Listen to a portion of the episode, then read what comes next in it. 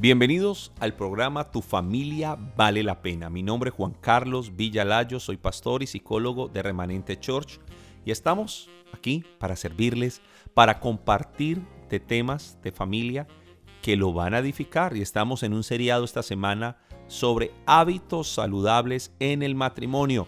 Hoy quiero hablar cómo mantener un matrimonio duradero. Las parejas se conocen, hay atractivo, salen, se enamoran y como conclusión natural se casan. Diseño de Dios, ¿verdad? Por eso dejará al hombre, ahí está en Génesis 2.24, por eso dejará al hombre a su padre y a su madre y se unirá a su mujer y los dos serán una sola carne.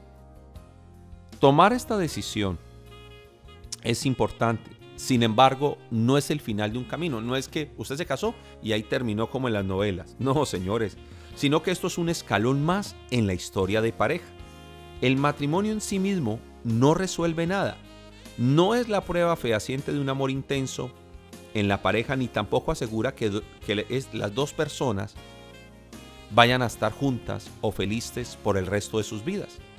¿Cómo lograr que tu matrimonio dure y que sea feliz?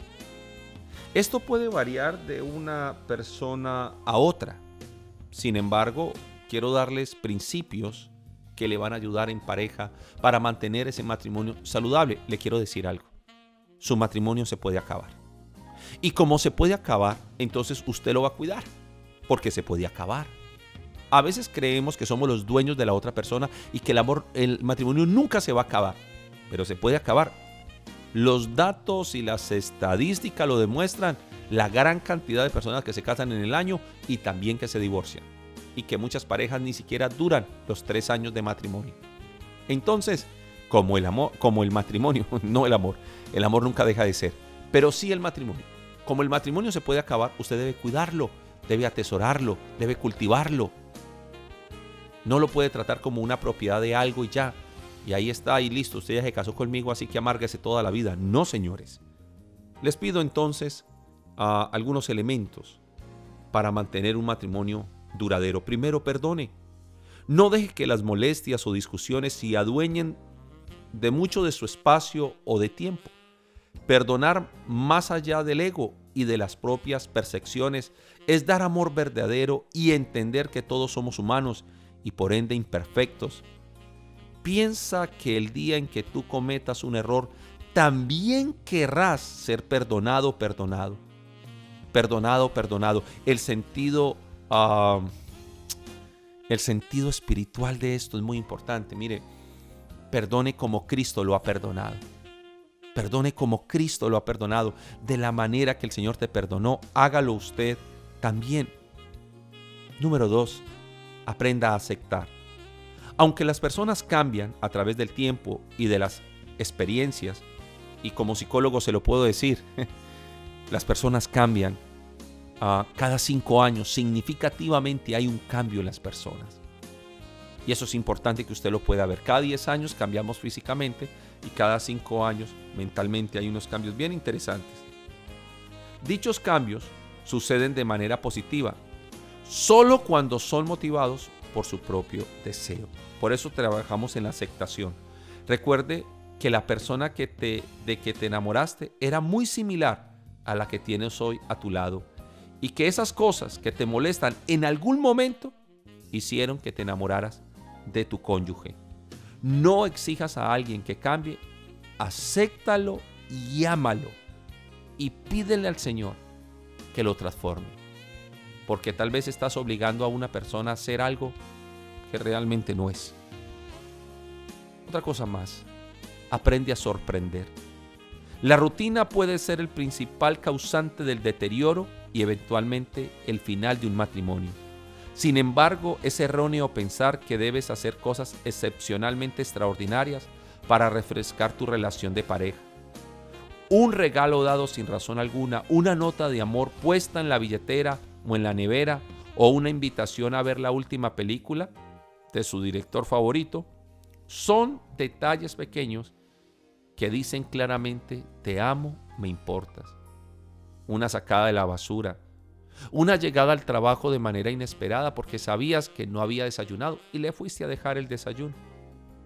Aprende también aunque estamos juntos y aunque nos debemos el uno al otro, no somos el sirviente del otro. Y que también requieres de espacios, tal vez con tu familia, él con su familia también. A veces nos volvemos tan posesivos de la persona que anulamos a esa persona, aún de su familia. Su mamá no lo vuelve a ver, ni sus hermanos, porque no se lo permitimos, porque nos, sentimos dueños del otro. Dueño de ti, dueño de qué, dueño de nada. No somos dueños de las personas, por Dios. ¿Acaso son esclavos? La Biblia dice, por precio hemos sido comprados, no nos hagamos esclavos de hombres. Aprenda también que cada uno posee espacios. Sin, escucha esto, yo particularmente creo que todo se comparte en común con la pareja. Pero no nos olvidemos de que esa pareja también tiene un papá y una mamá y que van a necesitar en algún momento compartir también con ellos. Y eso no está mal. Por favor, ámate. Si tú no te amas, ¿cómo piensas amar a otra persona? Por favor. Tu felicidad no puede depender de nadie que no seas tú. No sería sano y podría sobre tu y pondría sobre tu pareja una carga muy pesada para llevar el amarse y el ser feliz depende de ti. Depende de la decisión que tomes.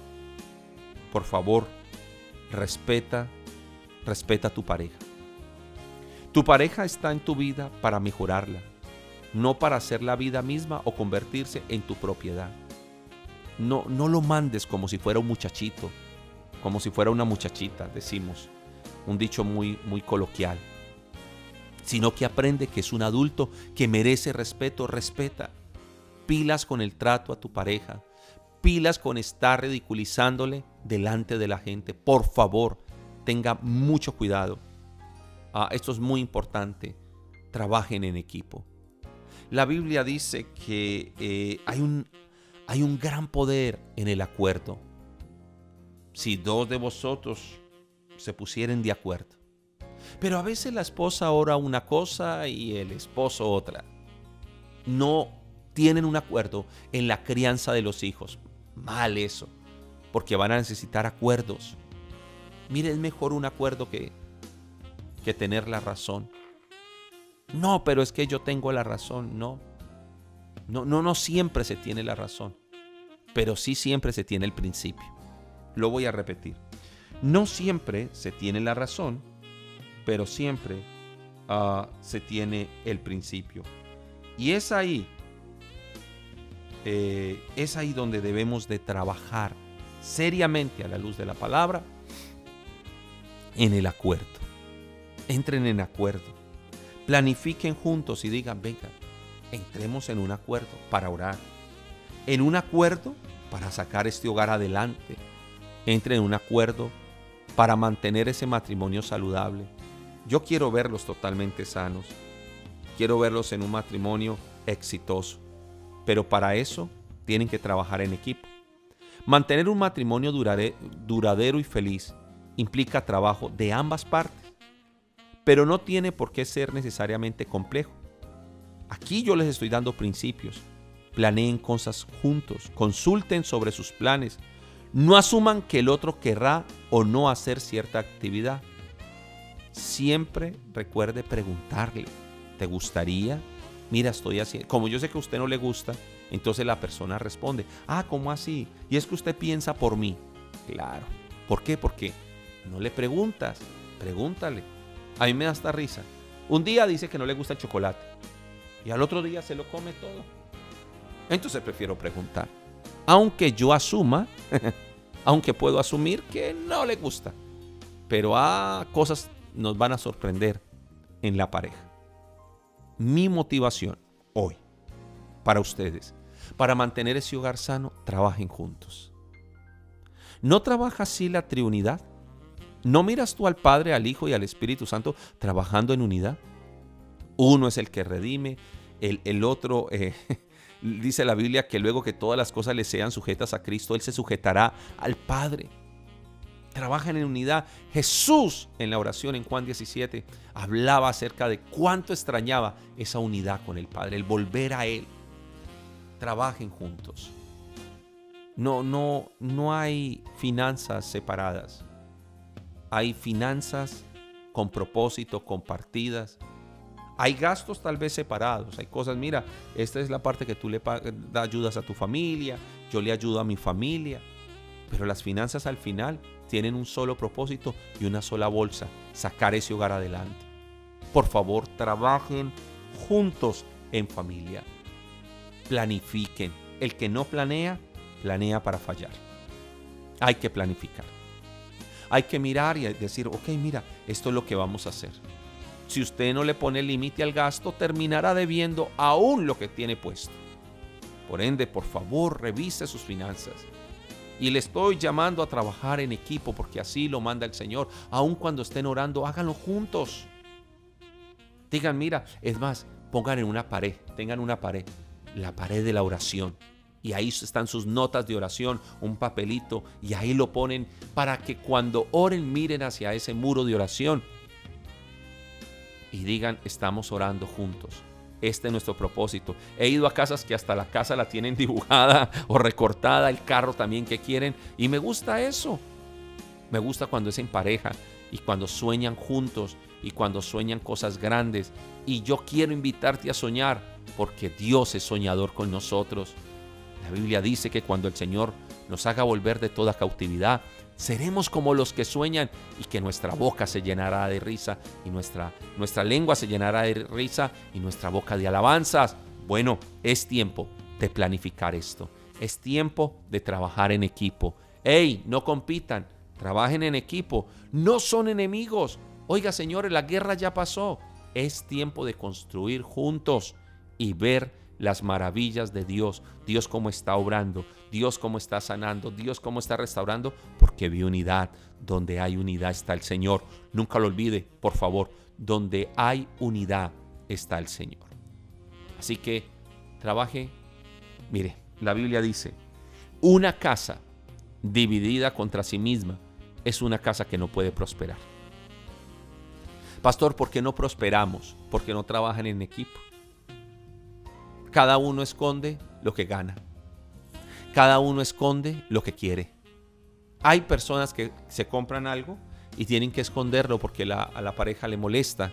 No debe de ser así. Los dos deberían de antes alegrarse cuando uno al otro se apoya. Amados, no haga nada que destruya a su familia. No haga nada que destruya a su pareja. Contrario a eso, restaure, levántense, no hieran, Recuerde que a paz nos llamó el Señor, nos llamó a reconciliación, nos llamó a bendición. Quiero orar por ustedes en este momento. Padre, restaura las familias. Familias que están viviendo procesos muy duros. Familias que sus hijos se han ido y no se han ido de la mejor manera. Esposos que están durmiendo en el otro cuarto porque los dos no se toleran en una casa inmensa. Pero hoy, por tu misericordia y por tus maravillas, te pido, Señor, extiendas tu gracia. Extiende tu gracia, Señor, y tu misericordia y tu favor, y veamos tu gloria. Déjanos ver tu gloria. Déjanos ver tu gloria, Señor. Muéstranos tu gloria. Glorifícate, Padre Santo.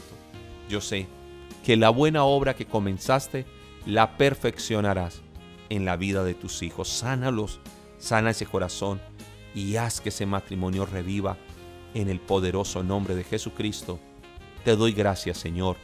Amén y amén. Que el Señor los bendiga, que el Señor los guarde. Recuerde, tu familia vale la pena. Bendiciones. Quiero recordarle a todos nuestros oyentes que se pueden comunicar con nosotros. Queremos ayudarles. Llámenos en este momento al teléfono 571 469 3385. Nuevamente lo repito, 571 469-3385. Y en redes sociales síganos como Remanente Church. Estamos para bendecirles y ayudarles. Bendiciones.